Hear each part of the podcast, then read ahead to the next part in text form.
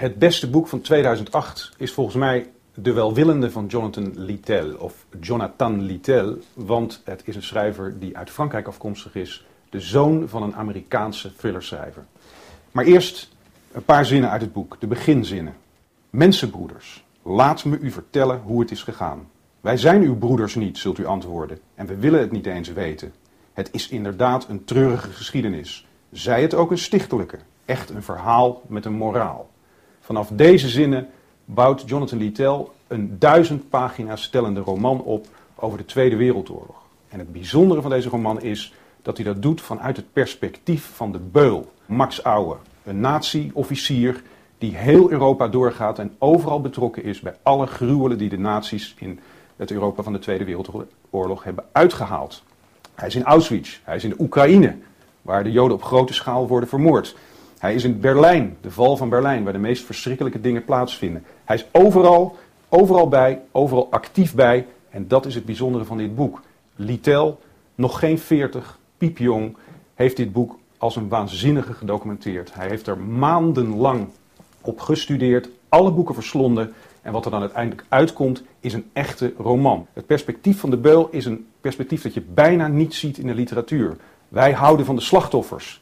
En daarover willen we lezen. Maar dit is een boek en dat dwingt je te lezen over die beul. Het dwingt je om letterlijk, maar ook figuurlijk mee te gaan met deze beul.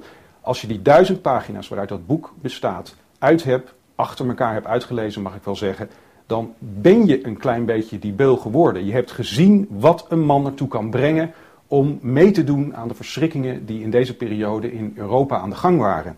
En dat maakt het een pijnlijk boek, een gevaarlijk boek. Een boek wat eigenlijk een beetje angstig, wat je angstig maakt om het te lezen. Maar daarmee wel een van de grote boeken, niet alleen van 2008, maar ik denk zelfs van helemaal na de Tweede Wereldoorlog.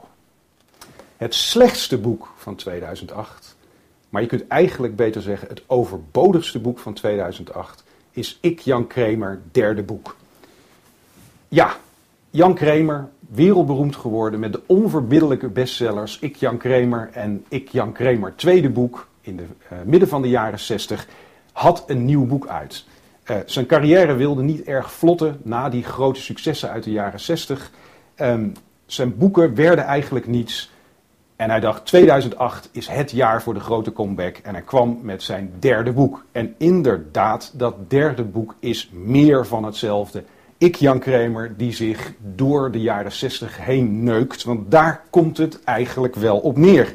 En als hij niet neukt, dan zit hij in de jaren 60 bij de wereldberoemden op schoot. Of in bed natuurlijk, als het de vrouwen betreft. Bij Andy Warhol, bij Tennessee Williams. Noem alle grootheden uit de jaren 60 maar op. Maar het gaat, Jan Kramer, vooral om die bedgeheimen. En geheimen blijven het niet. Ik wou een klein stukje voorlezen om iets van de stijl van Jan Kramer naar voren te brengen.